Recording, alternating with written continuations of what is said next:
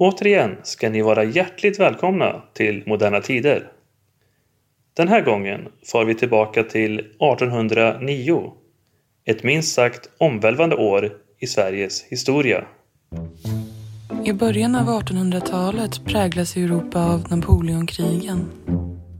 Sverige styrs i tiden av kung Gustav IV Adolf som avskyr den franska kejsaren som pesten. När ryssarna kliver in i Finland är den sedan över 600 år så naturliga östra rikshalvan av det svenska riket ett minne blott. Och Gustav IV Adolf som avsätts.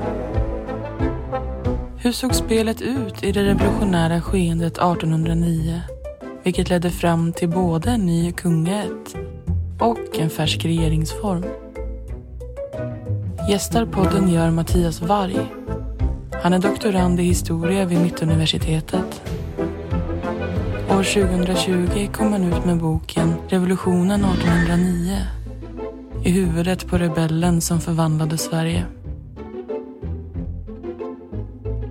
Ja, men då välkomnar jag Mattias Varg till podden. Tack. Vi ska ju prata om ett årtal idag. Ett ganska så klassiskt årtal i svensk historia. 1809. Eh, och du har ju skrivit en bok i ämnet till exempel. Um, men om vi börjar på ungefär vad, vad är Sverige där i början på 1800-talet? Mm. Ja, det är ju eh, lite annorlunda land. Då. För det första geografiskt kan man ju lyfta fram att Sverige eh, och Finland sitter fortfarande ihop. Det finns även ett område i Tyskland, svenska Pommern, som är en del av Sverige. Det är den första anblicken på något vis. Sen när man tittar på konstitutionellt så är ju då Sverige ett, eh, ett oinskränkt envälde, kan man nog kalla det för det så kallade gustavianska enväldet som pågår under den där tiden. Och vi har en kung som heter Gustav IV Adolf. Då. Eh, och sen eh, åtminstone några år in på, på eh, 1800-talet, ja då är ju Sverige inblandat i de här stora Napoleonkrigen då, som eh, och, eh, verkligen förändrar Europa i grunden på många sätt. Och eh, Mm, så att det är ju så många olika faktorer som gör att det är ett annorlunda Sverige. Ett krigande, enväldigt, auktoritärt Sverige som liksom omfamnar Östersjön och fortfarande har liksom de där ambitionerna att spela en stor roll i Europa. Men är, är det så att säga en, en eh, överdriven ambition? Är man liksom lite nostalgisk i sin... Eller har man liksom... Är det realistiskt att tänka att Sverige ska kunna bli, vara en betydande aktör längre i början på 1800-talet? Nej, jag tror nog att de flesta är ganska ense om att det eh, man spände bågen kanske lite väl eh, när man eh, deltog i de här krigen. Men det egentligen så är det väl en här, någonting som historiker har diskuterat eh, både för och emot och det fanns rationella, rationella skäl till att vara eh, med i det här kriget eller inte.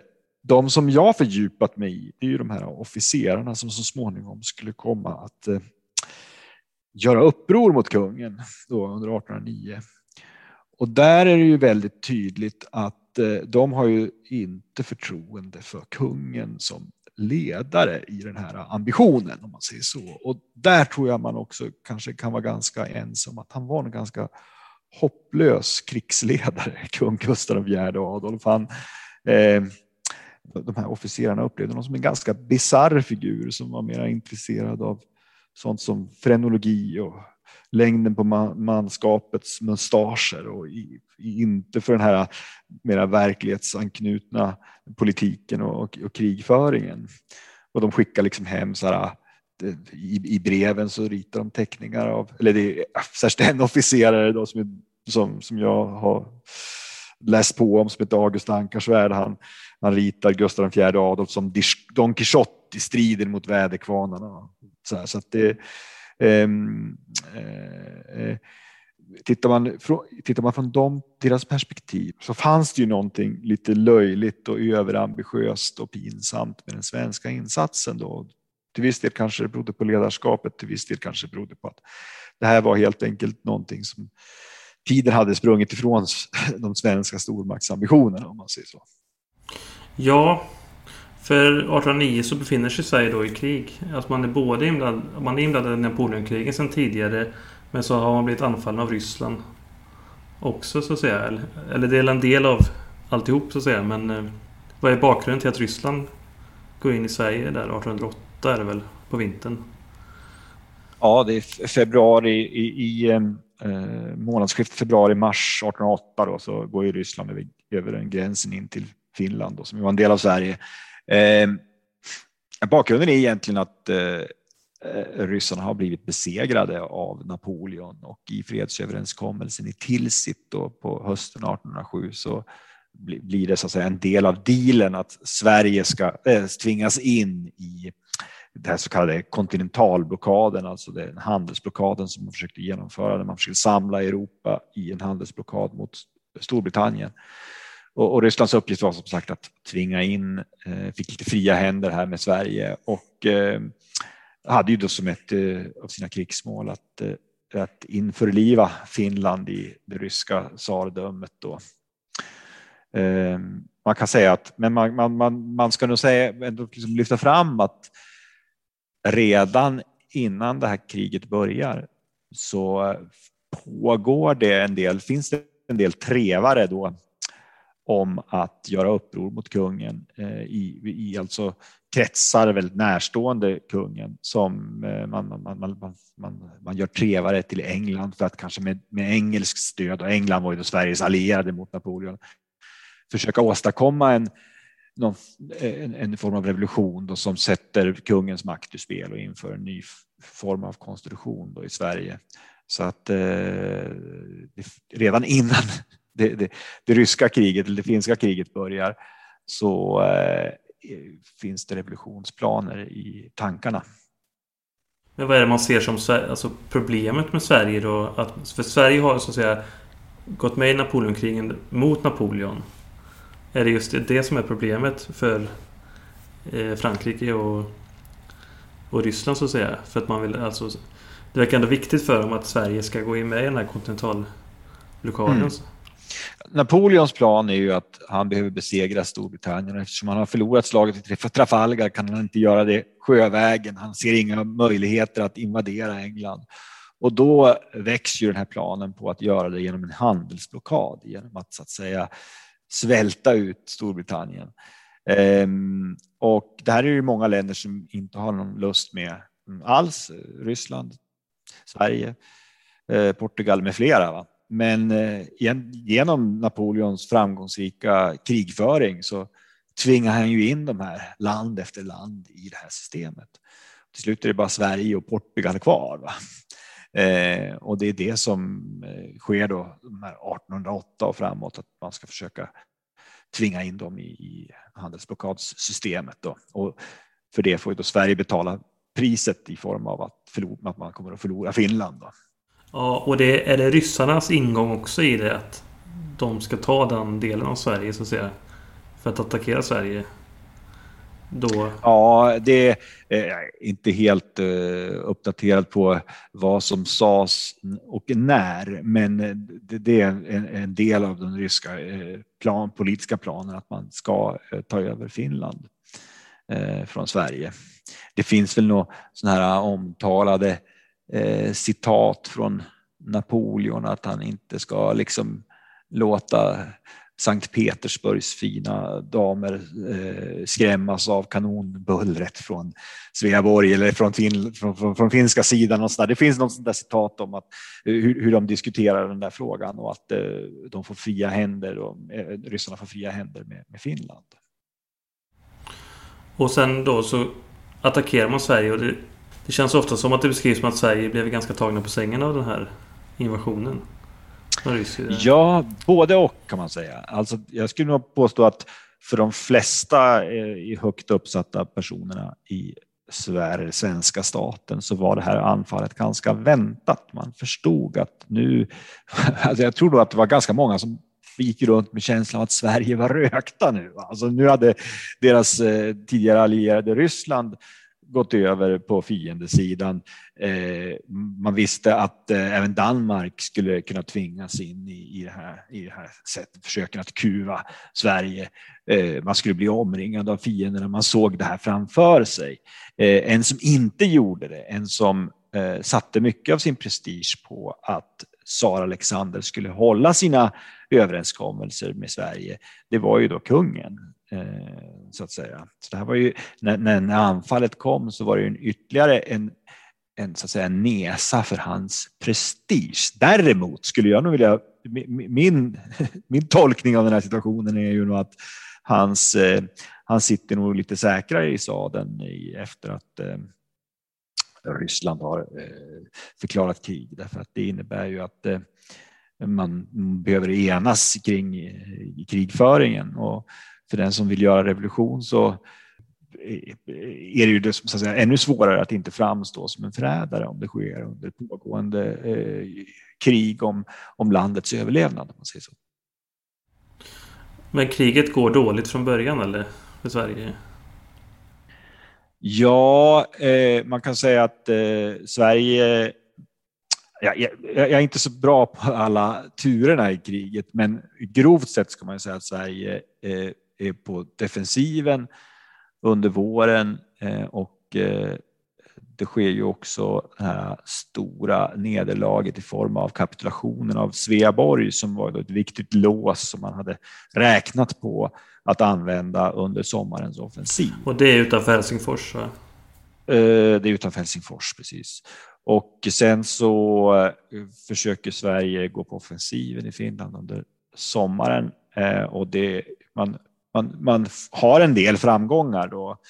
Eh, men eh, det slutar ju i eh, slaget vid Oravais där eh, Sverige förlorar och eh, under resten av året så utrymmer då Sverige Finland och är eh, uppe längst upp i Finska viken ungefär vid nyåret 1809. Mm. Och när börjar de här planerna då på att säga peka ut kungen som syndabock?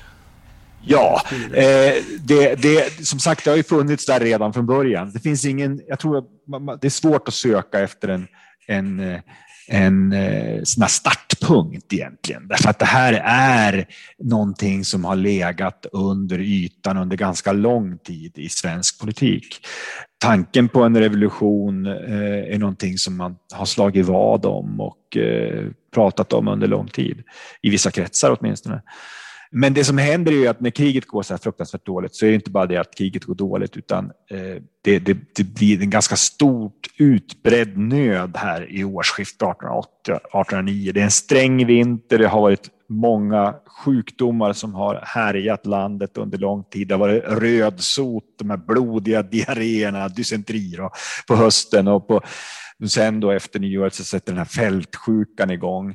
Ehm, så att det, det är liksom ganska utbrett elände och i den här situationen så kokar ju armén av konspirationer. De konspireras på, i, på Åland, i Stockholm och inte minst i Värmland. Då, I den högra fördelningen av västra armén som är förlagd i Värmland. Det är väl där det konspireras allra mest och där själva revolutionen då startar till slut. Då.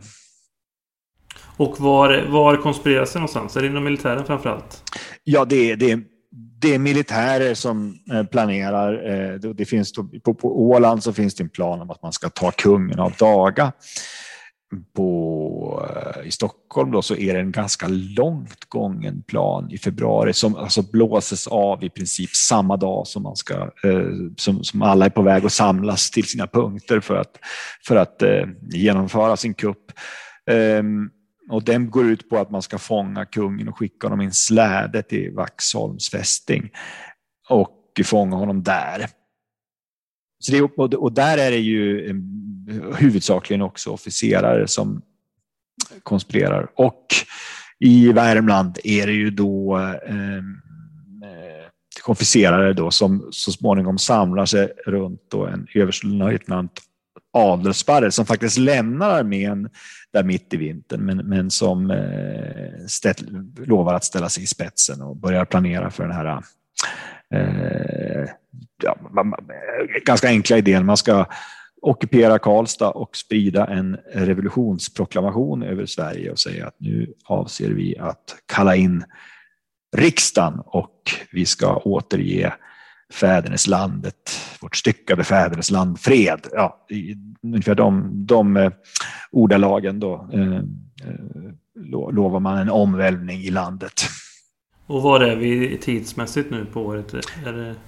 Ja, eh, själva revolutionen eh, börjar i eh, mars. Den, det är på alltså natten mot den 7 mars som det tågar in trupper, värmländska fältjägare som kommer genom stadsportarna och ställer upp sig på torget, ställer upp kanoner på torget och eh, Adelsparre eh, hälsar trupperna och eh, förklarar att nu har ni samlats här för att eh, rädda landet från ögon, ögonskenlig fara. Så, eh, och nästa morgon så vaknar ju då Karlstadborna med att det är fullt av soldater på, på gatorna och att eh, borgmästare och landshövdingar de de är arresterade, och går med bevakade vakter på gatorna. Ja, så att själva upproret börjar i Karlstad och sprider sig sedan vidare till andra städer eller till... Ja, eh, man, man, eh, i den här revolutionsproklamationen som sprids ut från Karlstad så, eh, så förklarar man ju att man ska mm, marschera mot huvudstaden. Och eh, på vägen där kan man ju säga att det som har skett i Karlstad upprepas sig sen i Örebro och i Västerås, alltså där, där trupper på plats i Örebro och Västerås eh, eh säkrar staden för revolutionstrupperna. Och på sätt och vis kan man säga att det är det som händer i Stockholm också, men där är det lite mer komplicerat eh, så att säga. De som genomför revolutionen i Stockholm, de är inte bara, de, de säkrar inte bara staden för Adelsparres revolutionstrupper utan de har lite andra planer. Men kungen måste ju veta vad som händer i de andra städerna då. Det, det, det är alltså ett av de mest talande exemplen på hur otroligt eh, vad säga, eh, svag legitimitet kungen hade är ju det faktum att, alltså, eh, det här händer alltså natten mot den 7 mars i Karlstad och eh, eh redan den 8 mars är ju nyheten ute på stan i eh, Stockholm. Och eh, i väldigt många kretsar vet man precis vad som är på gång. Nyheten når också kungen. Och han, han tar in massa personer till förhör och får hjälp av polismästaren och en del förhör han själv också. Ehm, men ehm, trots det då så är det så att det går ytterligare fyra dagar innan han förstår vad som är i görningen. Och anledningen till det, det är ju att man helt enkelt för honom bakom ljuset. Och till och med då polismästaren som tar in människor till förhör och eh, som genomför de här förhören eh, delvis själv. Han, eh, han vet att det här upproret är sant, att det faktiskt pågår, men han ställer frågorna mest för, för formens skull och det förstår också förhörspersonerna. Så att så hopplös ansåg man att kungens ställning var. Men kungen fattar ingenting då? Så. Nej, han tror att det här är ett falskt rykte. Därför att ingen bekräftar den. Eh, men, men tills den, då, den 12 mars så kommer det ett meddelande från Örebro eh, som gör att han förstår att det är sant. Och eh, då börjar kungen planera för att fly eh, huvudstaden och ta sig till södra Sverige till trupperna i Skåne som han räknar med är eh, mer lojala. Men det, det, var också en missräkning eller? Från hans sida? Ja, men det är ju det att alla, alla här eh, runt om honom har ju i princip räknat bort honom och eh, eh, blickarna riktas då mot general Adlercreutz som är då en krigshjälte från de finska striderna under sommaren. Och eh, han har haft inställningen att ja, men eh, vi väntar tills eh, kungen får för sig att han ska lämna stan, då griper vi in. Och eh, det blir ju klart där på natten att eh, det är på gång och natten till den 13 mars och på morgonen så dyker Adlercreutz och, och sex andra officerare upp medan kungen har en audiens och eh, förklarar honom arresterad på, på ämbetsmännens uppmaning. Och det blir en ganska dramatisk och tumultartad stund där på, på, eh, i Stockholm. Men på något vis är det ju slutpunkten för, för kungen där. Ja, han springer ut på borggården och grejer har jag hört historier om. Mm. Det, det, det, det, blir ju mycket tumult. Det är ju, först är det ju så att säga tjänare som kommer och ska försöka rädda honom och sådär som, som eh, Adekreutz får, får lugna ner och så där.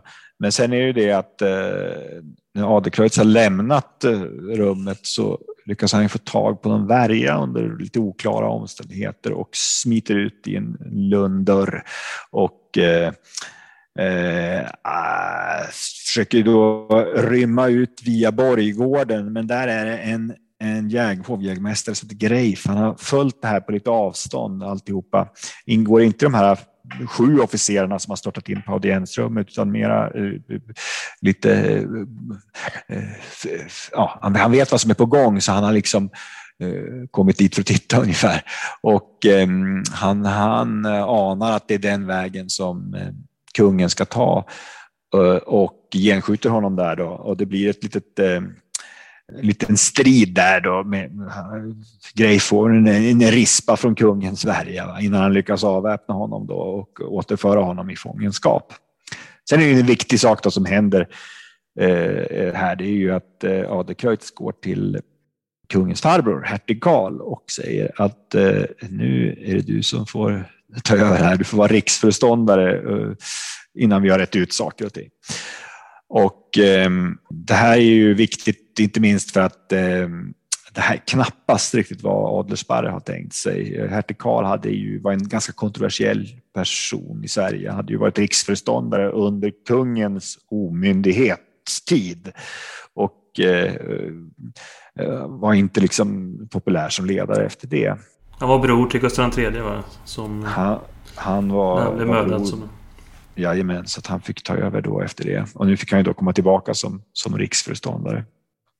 Och eh, eh, det, det, är ju så att säga, det, det, finns ju många då aspekter i det här och eh, en viktig aspekt är ju att eh, kungen Gustav IV Adolf, han hade ju en nioårig son som var kronprins. Och eh, det kunde ju då, åtminstone för hertig Karl och, och eh, och var det även för general Adlercreutz så framstod det som en naturlig lösning då på den här frågan. Det var ju att man skulle, så hertigen skulle vara riksföreståndare till dess att eh, kronprinsen var myndig. Men, men det här är, är, inte alls vad, vad Adelsparre har tänkt sig. Han har helt andra planer.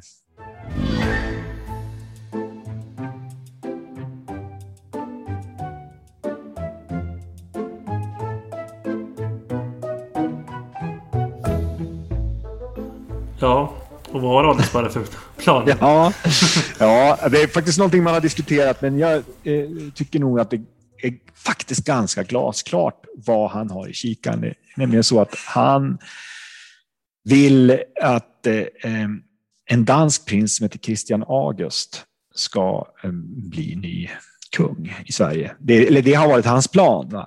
För att samma eh, dag eh, Mm. samma natt som han genomför den här revolutionen i Karlstad så skickar han en adjutant som heter Karl-Henrik Ankarsvärd till eh, Norge och han har uppdraget att erbjuda Kristian August kronan. Det finns också i den här revolutionsproklamationen som de sprider ut så finns det tydliga anspelningar på revolutionen 1688 i England där man också eh, så att säga ah, eh, eh, valde en utländsk militär som tronföljare och där man också inte nöjde sig med att eh, avsätta den, den så att säga, kungen som man hade misstroende eh, mot utan man avsatte också hans familj, hans arvingar.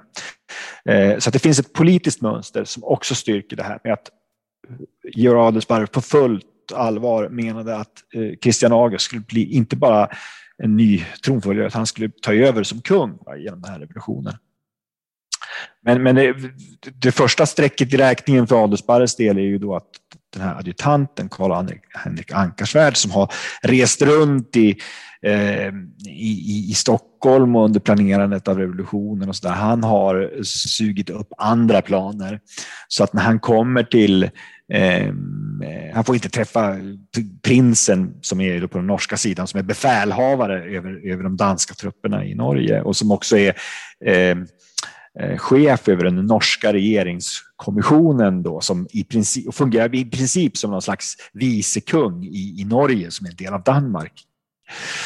Ehm, men när Ankarsvärd kommer eh, till den, till den norska sidan då får han träffa en, eh, prinsens general och adjutant och eh, då säger han att ja, vi har nog tänkt oss att vi ska fråga Napoleon om, om vem som blir eh, vem som ska bli svensk tronföljare. Och vi har en tysk prins som vi tänker, han är lite släkt med, med, med, med tsaren och vi tänker att om vi tar honom kanske vi får behålla Finland. Så här. Och ehm, så efter, först efter några dagar, han får vänta ganska länge på besked i, i, i lite olika frågor här då, innan han, innan han får resa i, därifrån.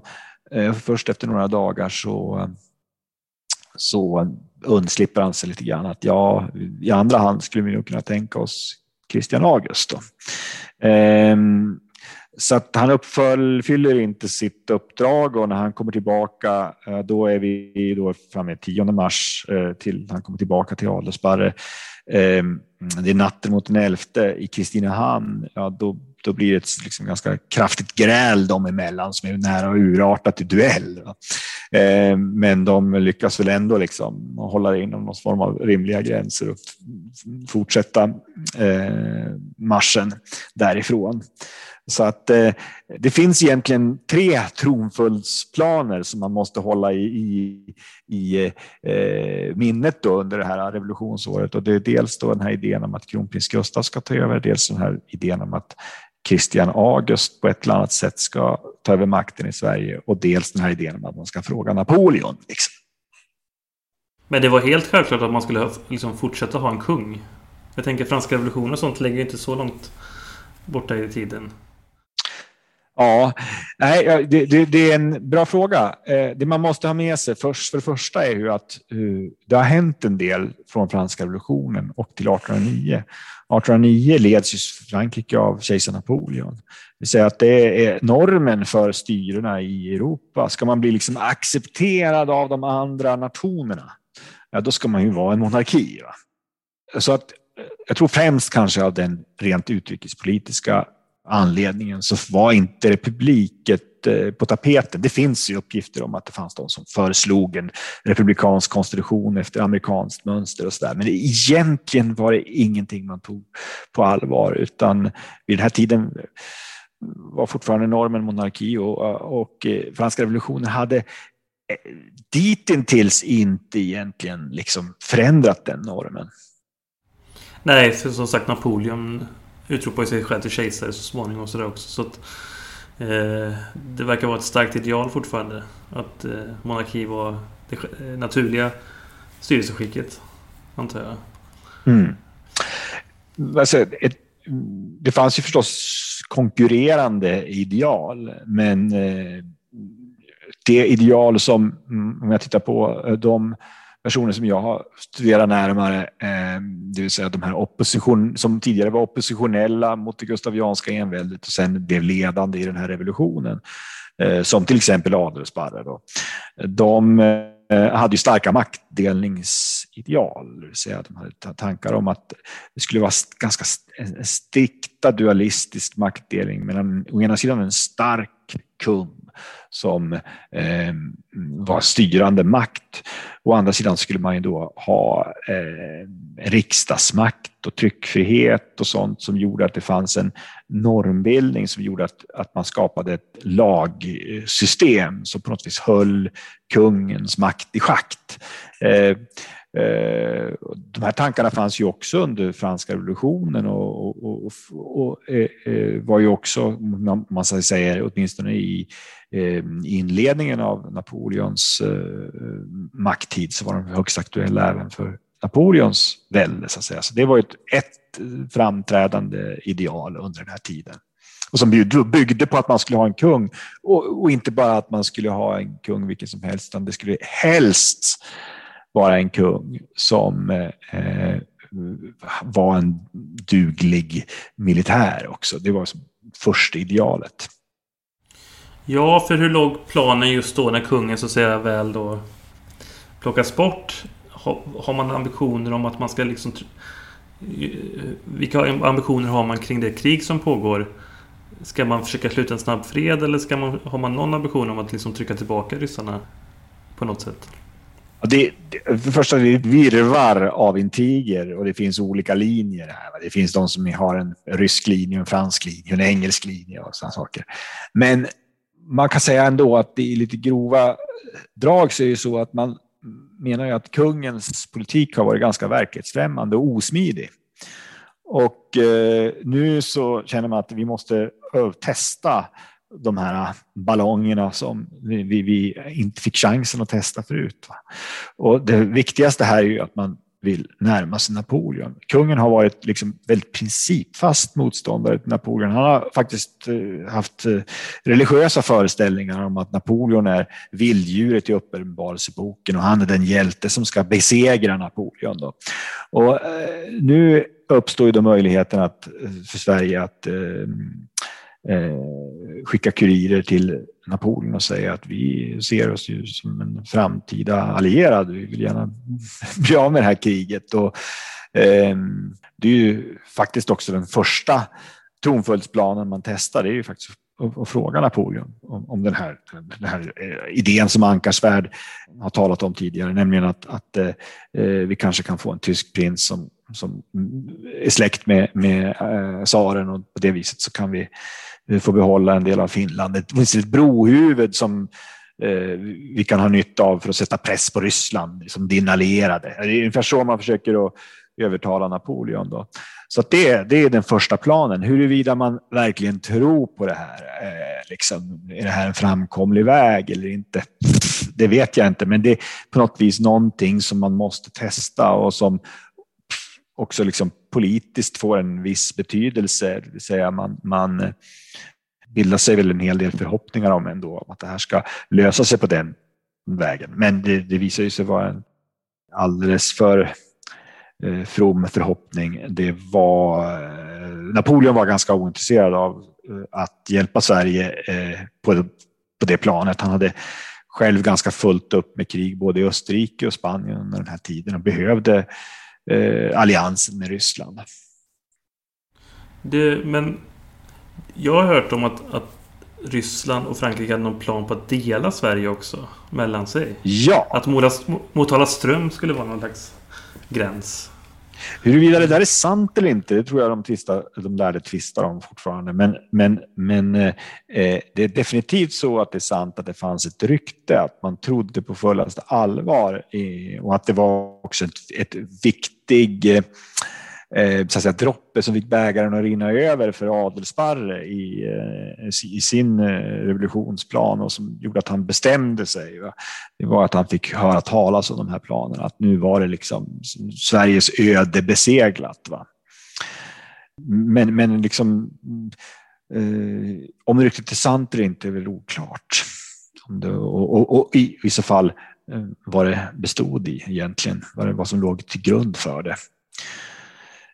Eh, men jag tror väl att det, man ska ändå se att när revolutionen inträffar så är det ju uppenbart att det finns eh, krafter som på, i alla fiendeländer som ser det här som en möjlighet för att få fred med Sverige.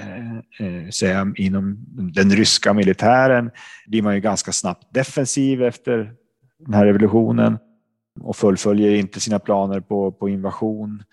Ehm, I det ögonblicket i alla fall.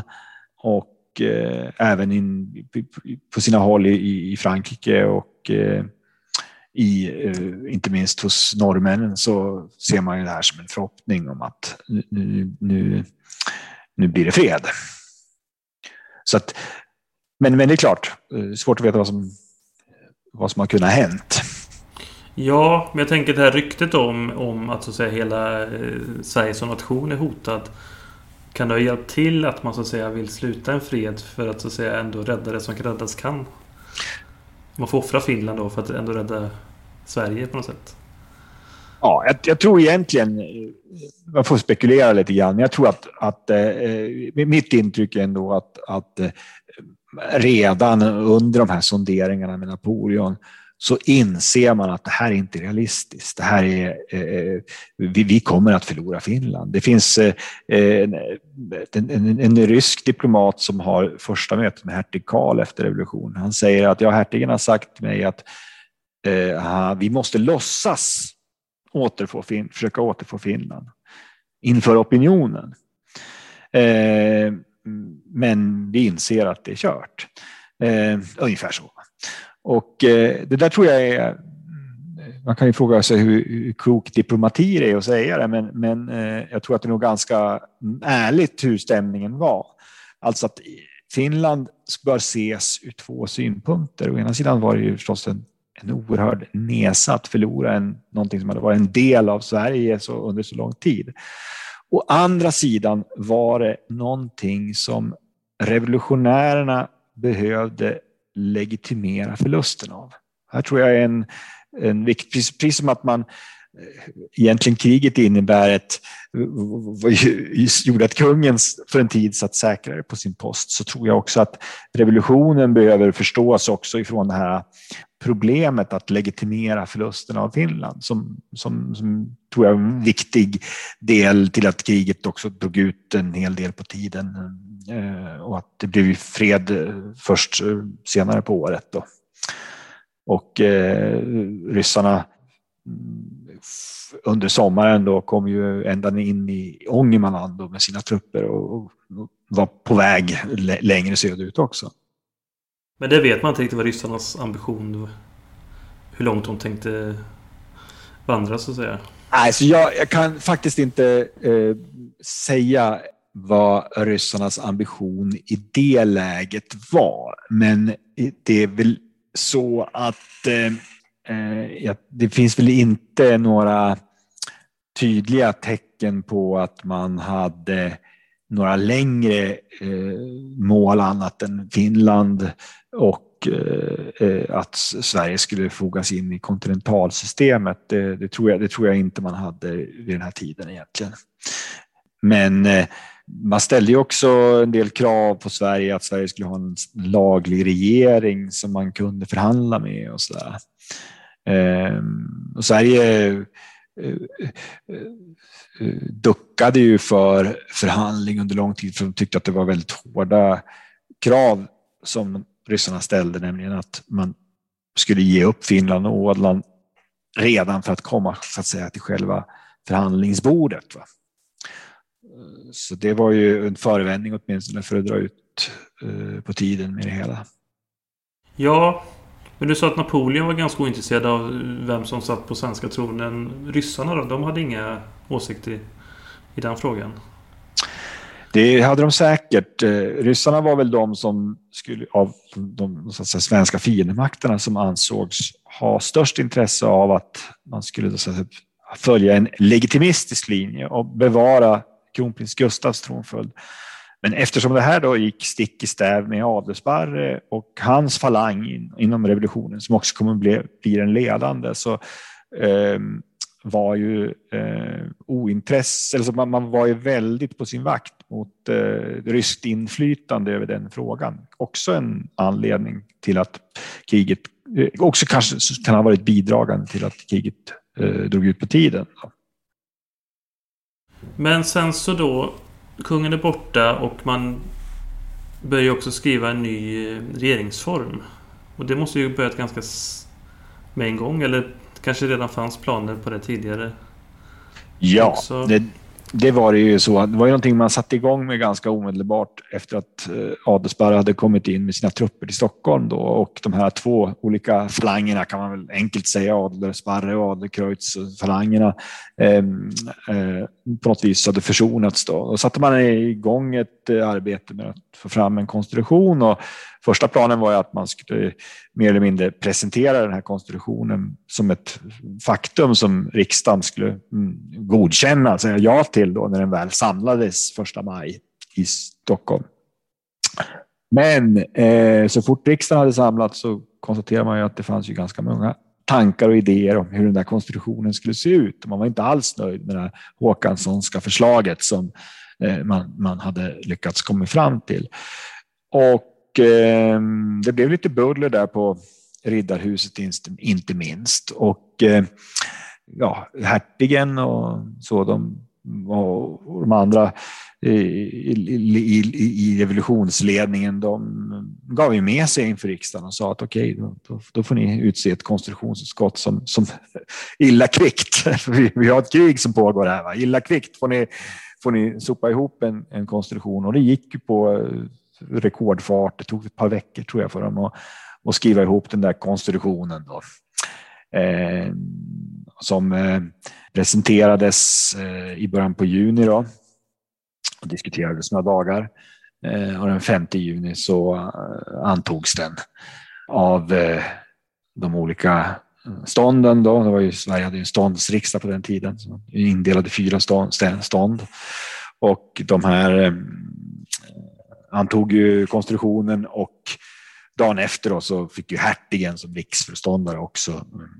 På den 6 juni då, som vi firade som nationaldag för några dagar sedan så fick ju då hertigen ta emot konstruktionen och blev samtidigt utsedd till kung. Han fick liksom frågan av, av ständerna om han ville bli kung och det tackade han ju ja till då. Och frågan om, om tronarvinge, den var inte löst än då? Den var, den var inte löst än. Eh, man hade fått ett antal nej från Napoleon. Man hade fått klart för sig att eh, Adelsparre, som ju då, han var inte bara en så att säga, maktfaktor på grund av man ska säga, den ära han hade förskaffat sig som revolutionens eh, Eh, första man, utan det var ju också så att han hade 3000 trupper förlagda på Norrmalm i olika hushåll och eh, var förskansad i Västmanska palatset och hade en 50 man stark vakt med kanoner, brinnande lunter och sådär på Västmanska palatset i Drottninggatan i Stockholm. Eh, så att han var ju en, en maktfaktor i väldigt påtaglig grad. Va? Och han hade ju låtit eh, eh, till, visa med all tydlighet att någon kronprins Gustav det skulle man aldrig få se som svensk kung. Va? Vad var hans grundskäl till det då? Att, att, han inte vill, att han ville byta ett, så att säga, på tronen? Ska man se de här politiska skälen så finns det ju då alltså um, det här som antyddes redan i revolutionsproklamationen. Och går man tillbaka till Adelsberg hade ju en bakgrund som en oppositionell skriftställare på 1790-talet. Går man tillbaka på vad han publicerade då så är det så att han eh, publicerade bland annat texter av en eh, Jean-Louis Delolme som skrev om eh, revolutioner och idealiserade den här engelska revolutionen. Och eh, utifrån de tankegångarna då, eh, så är det ju så att man skulle, det var väldigt viktigt en sån här gång att man inte bara gjorde upp med konstitutionen som hade skapat despoten utan även med eh, själva tronföljden. Och det var inte så att man trodde att, att despotin gick i arv på något så att säga, genetiskt sätt, utan man menade att så länge kungen upplevde att han hade fått sin makt genom arv så kunde han också uppleva att han hade ärvt det tidigare styrelseskicket. Och på så sätt så menade man att eh, man hade haft massa problem med ärftlig tronföljd i England tidigare och lite på samma sätt kunde man ha tolkat hur enväldet hade gått i arv mellan från Gustav III och Gustav IV Adolf. Dessutom så tror jag också att man kan se det som att åtminstone från början så fanns den här idén om att en överenskommelse med Christian August eh, säkrade Sverige militärt i det här läget. Eh, och att ehm, det var så att säga också en förevändning för att ge så att säga, tronföljden till Christian August var att eh, det skulle ge Sverige ett militärt skydd faktiskt. Och det är väl inte helt eh, uppåt väggarna heller. Mm, det låter lite konstigt, men, men relationerna mellan Sverige och Norge under den här tiden de var väldigt eh, tvetydiga. Och, eh, eh Christian August eh, hamnade i ganska skarp konflikt med den danske kungen under den här tiden för att han inte anföll Sverige. Han fick inga uttryckliga order om att han skulle anfalla Sverige, men det var väldigt tydligt att den danska kungen eh, ville gå krigiskt tillväga.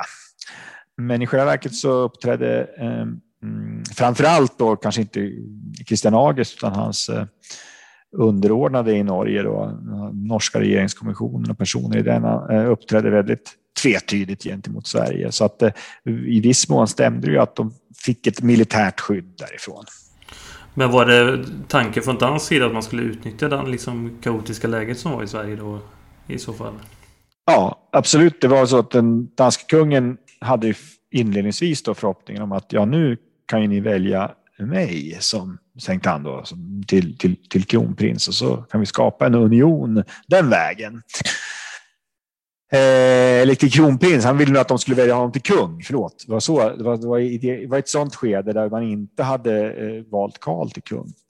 Eh, och eh, så, Men det visade sig att svenskarna var ointresserade av och eh, då bestämde sig eh, kungen i Danmark för att nu ska vi gå Mm, krigiskt tillväga här istället och eh, eh skickade då eh, meddelanden till Christian August om att nu, nu är det dags. Va?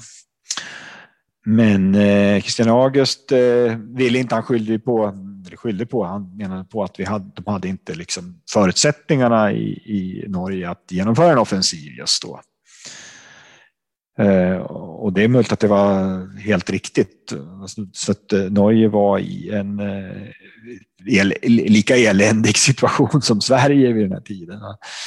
Så att, ehm, så, men, men det är ju kanske problematiskt för att hans eh, kurirer, som, han skickade ju massor av kurirer till Sverige under den här tiden, vilket är anmärkningsvärt i sig. Att han då som, som, som, som ju inte var högsta ledaren för sin eh, krigförande part skickade väldigt mycket kurirer och de här kurirerna verkar ju mera ha agerat eh, Eh, som ombud för ett eh, revolutionsparti egentligen i Norge som, som gärna skulle se att eh, inte bara Christian August blev, blev vald till svensk tronföljare utan man, skulle nog gärna, man ville gärna att Norge skulle bli, bli, så att säga fritt från Danmark och i en union i Sverige. Alltså det, det här är ju då eh, också en sak som gör situationen så oerhört komplicerad. Men, men i Norge då så var det så att eh, Norge blev under det här kriget då mot uh, Sverige så uh, var ju Norge allierat med Frankrike, Norge och Danmark allierat med Frankrike och i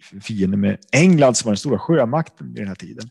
Och Norge blev Eh, avskuret ifrån handeln eh, och avskuret ifrån kontakterna med Danmark.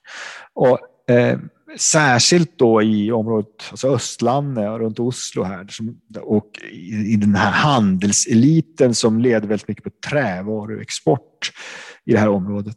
Det fanns ju som ett trävarus-Norge och ett fiske-Norge kan man säga och det här var ju trävaru-Norge.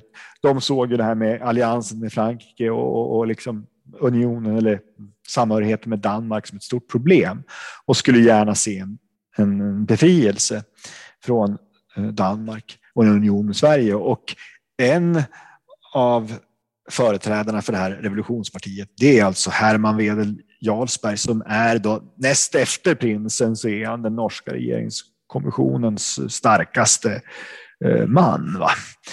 Så att det finns en, eh, ett mycket, mycket framträdande parti som spelar ett dubbelspel under den här tiden. Och det är klart att det, det, det, det faktum att de spelar det här dubbelspelet gör ju att eh, svenskarna eh, absolut eh, får ge upp intresset för Christian August. Det är inte bara Adelsparre utan det är ganska allmänt att man börjar se den här möjligheten att faktiskt inte bara få en ny eh, tronföljare och en nyhet, utan man får faktiskt ett eh, nytt område på kuppen och får också återupprätta eh, den förlorade äran som man kommer att få genom förlusten av Finland. Det är intressant att liksom det fanns en idé då redan då om en union med Norge alltså. Eh, som det blir ju verklighet inte så många år senare. Även om det kanske blir på ett annat sätt än vad de har tänkt sig 1809. Jajamän, och det är ju väldigt mycket av det som händer 1814 också som har, eh, man säger, eh, mm, tydliga likheter med den plan som var 1809. Redan i april 1809 förstod man att ja, norsk, norrmännen kan inte liksom bli en del av Sverige. De behöver ha en egen konstitution och de behöver vara i union med Sverige för att det ska bli aktuellt. Man har alltså idén om att eh, norrmännen ska göra en egen revolution. Så. Och det är faktiskt det som händer också 1814, men den gången blir det ju så att säga en revolution mot Sverige va? och inte mot Danmark. Men, men eh, det, det temat återkommer ju också.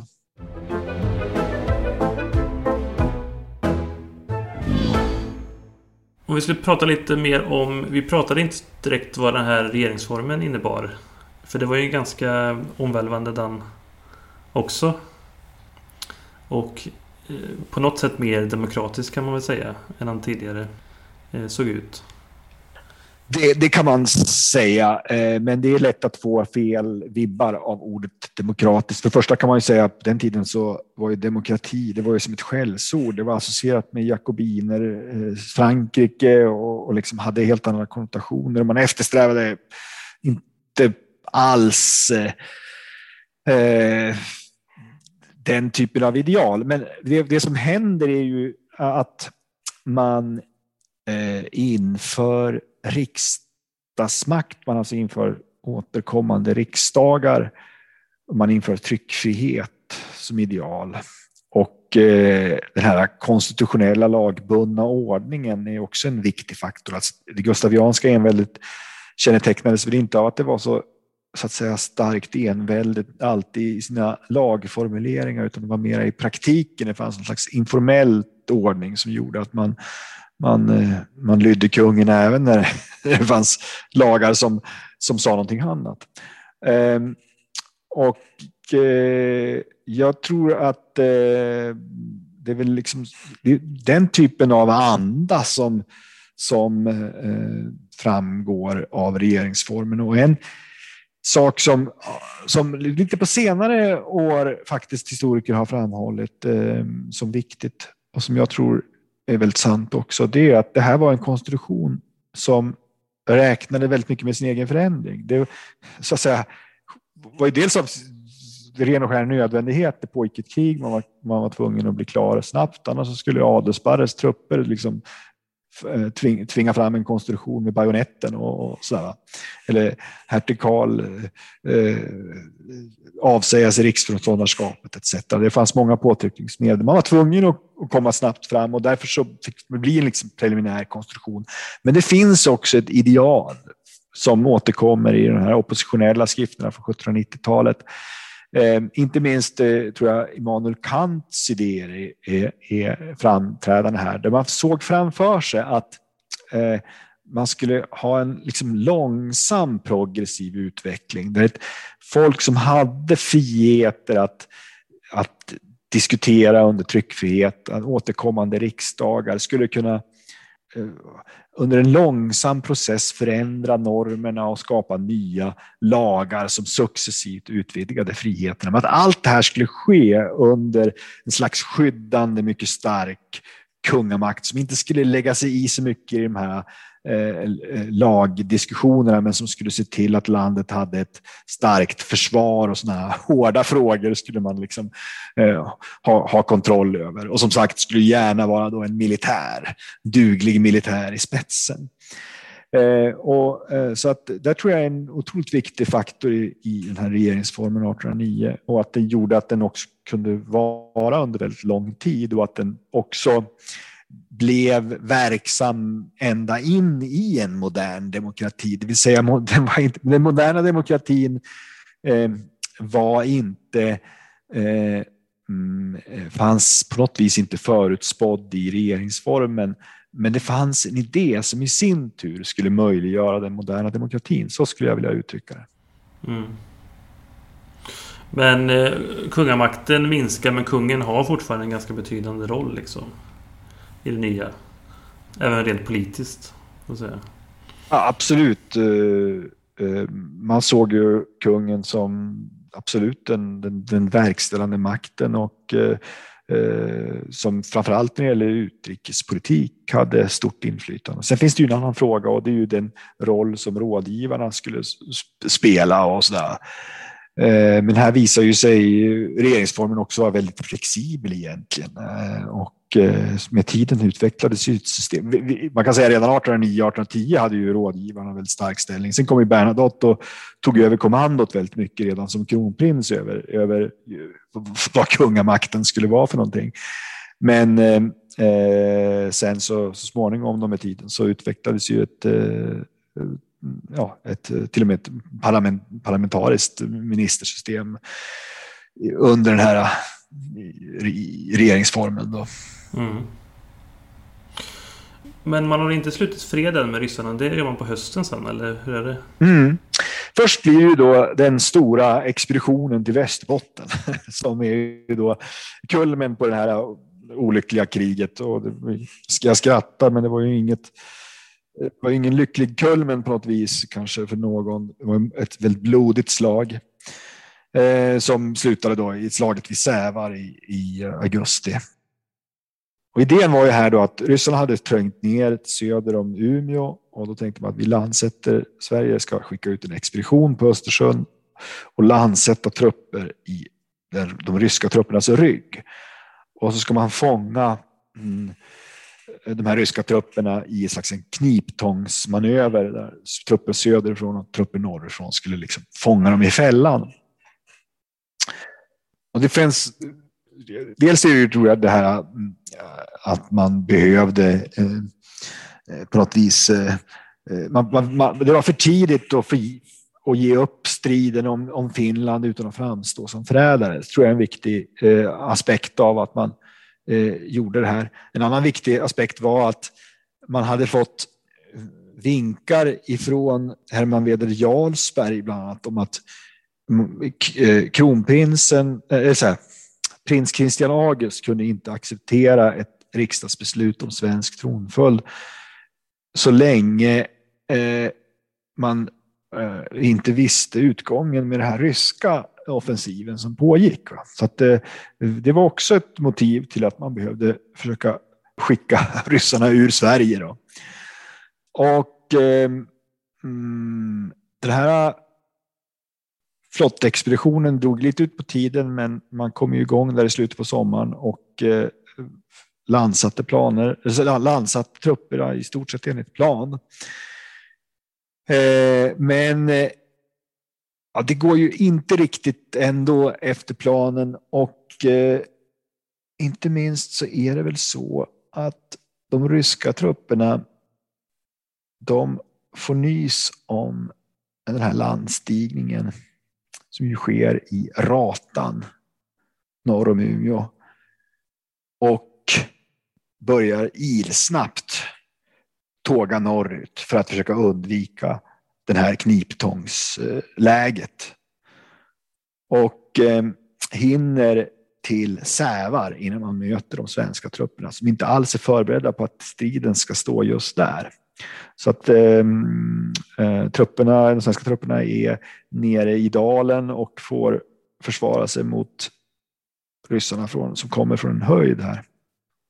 Och eh, det blir en dag av ganska blodiga strider innan eh, Eh, det visar sig att den svenske generalen Wachtmeister tror sig eh, kringränd av ryssarna och eh, går på reträtt. Och eh, trupperna lyckas då så att säga, ta sig norrut förbi svenskarna. Eh, så att själva den här storslagna kniptångsplanen den misslyckas. Men man lyckas ju så tillvida att eh, de ryska trupperna går på reträtt. Eh, nu hade man kanske kommit fram till en fredsöverenskommelse då eh, ändå, va? så det är lite osäkert att veta exakt vad det där betydde på, det viset. Men, men, men Eh, och om det ble, egentligen blev något resultat annat än en massa döda människor. Då. På sätt och vis kan man ju då fråga sig, jag, jag, jag, tyck, jag, jag gör det i min bok då, Revolution 1809, så frågasätter jag om inte ändå det var politiskt någonstans nödvändigt eh, med någon form av sista strid. Eh, just därför att eh, eh, den här nya regimen skulle ha någon form av legitimitet på sikt va? och inte upplevas som som eh, inte faller offer för någon form av dolkstötslegend om man säger så. Nej, någon slags symbolpolitik kan man kalla det då. Mm. Mm. Men, sen... men, men, men, väldigt kort därefter då så, så kan man ju säga att man, man kommer till en, en fredsuppgörelse. Eh, man, alltså, jag tror att det är väl redan när, när det här slaget sker så tror jag att Ehm, freds, de svenska fredssändebuden, om de inte är, är, på plats så är de på väg åtminstone till fredsförhandlingarna i Fredrikshamn. Och, eh, som undertecknas i september, då, 17 september tror jag att det är. Och då man ger upp eh, Finland och Åland. Och även eh, ansluter till kontinentalblockaden. Då. Och när väljer man sen då Christian August till? Eh, ja, det har man faktiskt redan gjort. Det har man, ja, redan, man redan gjort det? Ja, ja det, det, är så att medan man håller på att rösta för den här expeditionen till Västerbotten då, som slags eh, eh, hemlighet ännu, ännu då, då så eh, går riksdagen till val på eh, att välja tronföljare. Och eh, kungens, eller säga, ja, kungens förslag, eh, kung Karls förslag till riksdagen, det är att man ska välja Kristian August. Eh, och eh, det här sker ju då någon slags förhoppning eh, om att Kristian eh, August som tronföljare ska få med sig eh, Norge. Om det inte sker alldeles omedelbart så kanske det kan ske med tiden, tänker man. För han är, man vet att han är mycket populär ledare i, i, i Norge. Och Eh, men det sker inte utan en väldigt stark opinion i Riddarhuset som motsätter sig. Det är första gången under den här revolutionsriksdagen som säga, revolutionsledningen och regeringen åker på en snyting i riksdagen på det viset. Att det är en stort, eh, ganska många eh, ledamöter i, på Riddarhuset som, som, säger, som reserverar sig mot det här beslutet och tycker att man ska vänta med tronföljdsvalet. Och en del av dem har förstås också fortfarande kronprins Gustav i, i tankarna. Då. Så att det finns en, eh, samtidigt som man den här tronföljdsplan, Adelsparres tronföljdsplan når en framgång då, där så är, finns det ju då ett ganska, visar ju också det att det finns en slags politisk splittring under den här revolutionen som, som också kommer tillbaka under återstående eh, riksdagen som då pågår ända fram till 1810. Han kallas för Karl August i Sverige va? Christian? Ja, man anser ju då från svenskt håll att det är förfärligt att den här nya prinsen ska heta Christian August. Eller framförallt tror jag hertigen som har önskan om att han ska byta namn till Karl August eftersom Christian är ett sånt namn som väcker massa obehagliga minnen, vet, Stockholms blodbad etc. Eh, och eh, ja, en del tycker väl det där är ganska fjantigt, men, men eh, det slutar ju ändå inte sämre än att eh, han byter namn. Eh, Christian August dröjer för det första ett tag med eh, att tacka ja. Eh, framförallt så är det så att han lägger mm, sitt beslut i famnen på sin kung. Och, och eh, ja, kung Fredrik då, Danmark som ska bestämma. om eh, Kristian August kan anta tronföljden eller inte. Eh, och eh, det som blir avgörande för honom är nog att han får nys om de här revolutionsplanerna som finns i Norge och han tänker att ja, men då måste vi illa kvickt eh, få en fred med Sverige. Och i och med att de får en fred med Sverige, då möjliggörs också att eh, Kristian August ska kunna få bli kung. Och freden eh, med Danmark blir till i december då, och i början på januari så kommer Kristian August då som tronföljare med namnet Karl August till Sverige. Ja, men hans öde blir inte så långvarigt sen då? Nej, det blir ju inte det. Man kan ju säga att han har ju den, får med sig den äran på något vis att, att eh, ha avslutat den här revolutionsepoken i, i Sverige. Då. Eh, för att när han kommer till Sverige så, så eh, blir det ju någon form av lugn eh, och överläge för den här eh, liksom revolutionspolitiken på något vis. Och riksdagen 1810 slutas i någon form av enighet. Men sen är det ju så, så att några veckor senare så dör Karl August i ett slaganfall under en manöver på Kvidinghed i Skåne. Så att plötsligt så är läget ganska oroligt igen. Och ja, det börjar ju egentligen en helt annan historia. Liksom. Historien, om, historien, om 18, historien om 1810 som också ja, det nästa bli, avsnitt. Nej. blir en bok faktiskt. ja, ja, absolut. Eh, ja. ja, det har ju Fersiska morden och det är väl också en koppling till det. Eller när de slår ihjäl von Fersen i Stockholm. Mm. Det är ju mycket, väldigt, mångt och mycket en, en, en fortsättning, någon slags, slags indirekt effekt av revolutionen. Allting som händer 1810, Fersenska mordet och och valet av Bernadotte framför allt. Ja, men vi kanske ska sätta punkt där idag i alla fall. Ja, vi får göra det. Eh, men jag tänkte bara lite på, som en liten avslutning här, att eh, vi pratade ju lite om det här med Gustav IV Adolf, att han liksom ansågs vara någon slags lite virrig ledare och inte kunde ta riktigt bra beslut. Och jag tycker ju, om man ser det rent ytligt så beskrivs han ju ofta i svensk historia som en liksom, syndabock. Och jag menar, de här revolutionärerna har ju ändå lyckats rent propagandamässigt kan man ju tycka. Och att Gustav IV Adolf är ju på något sätt känd, kanske i alla fall eh, om man ser det eh, utan att fördjupa sig för mycket i det, som den kungen som förlorade Finland. Så att säga. Mm. Men jag tänkte, hur ser du på att hur avgörande var hans roll eller var Sveriges öde ändå beseglat med tanke på att Ryssland och Frankrike på något sätt hade bestämt det här?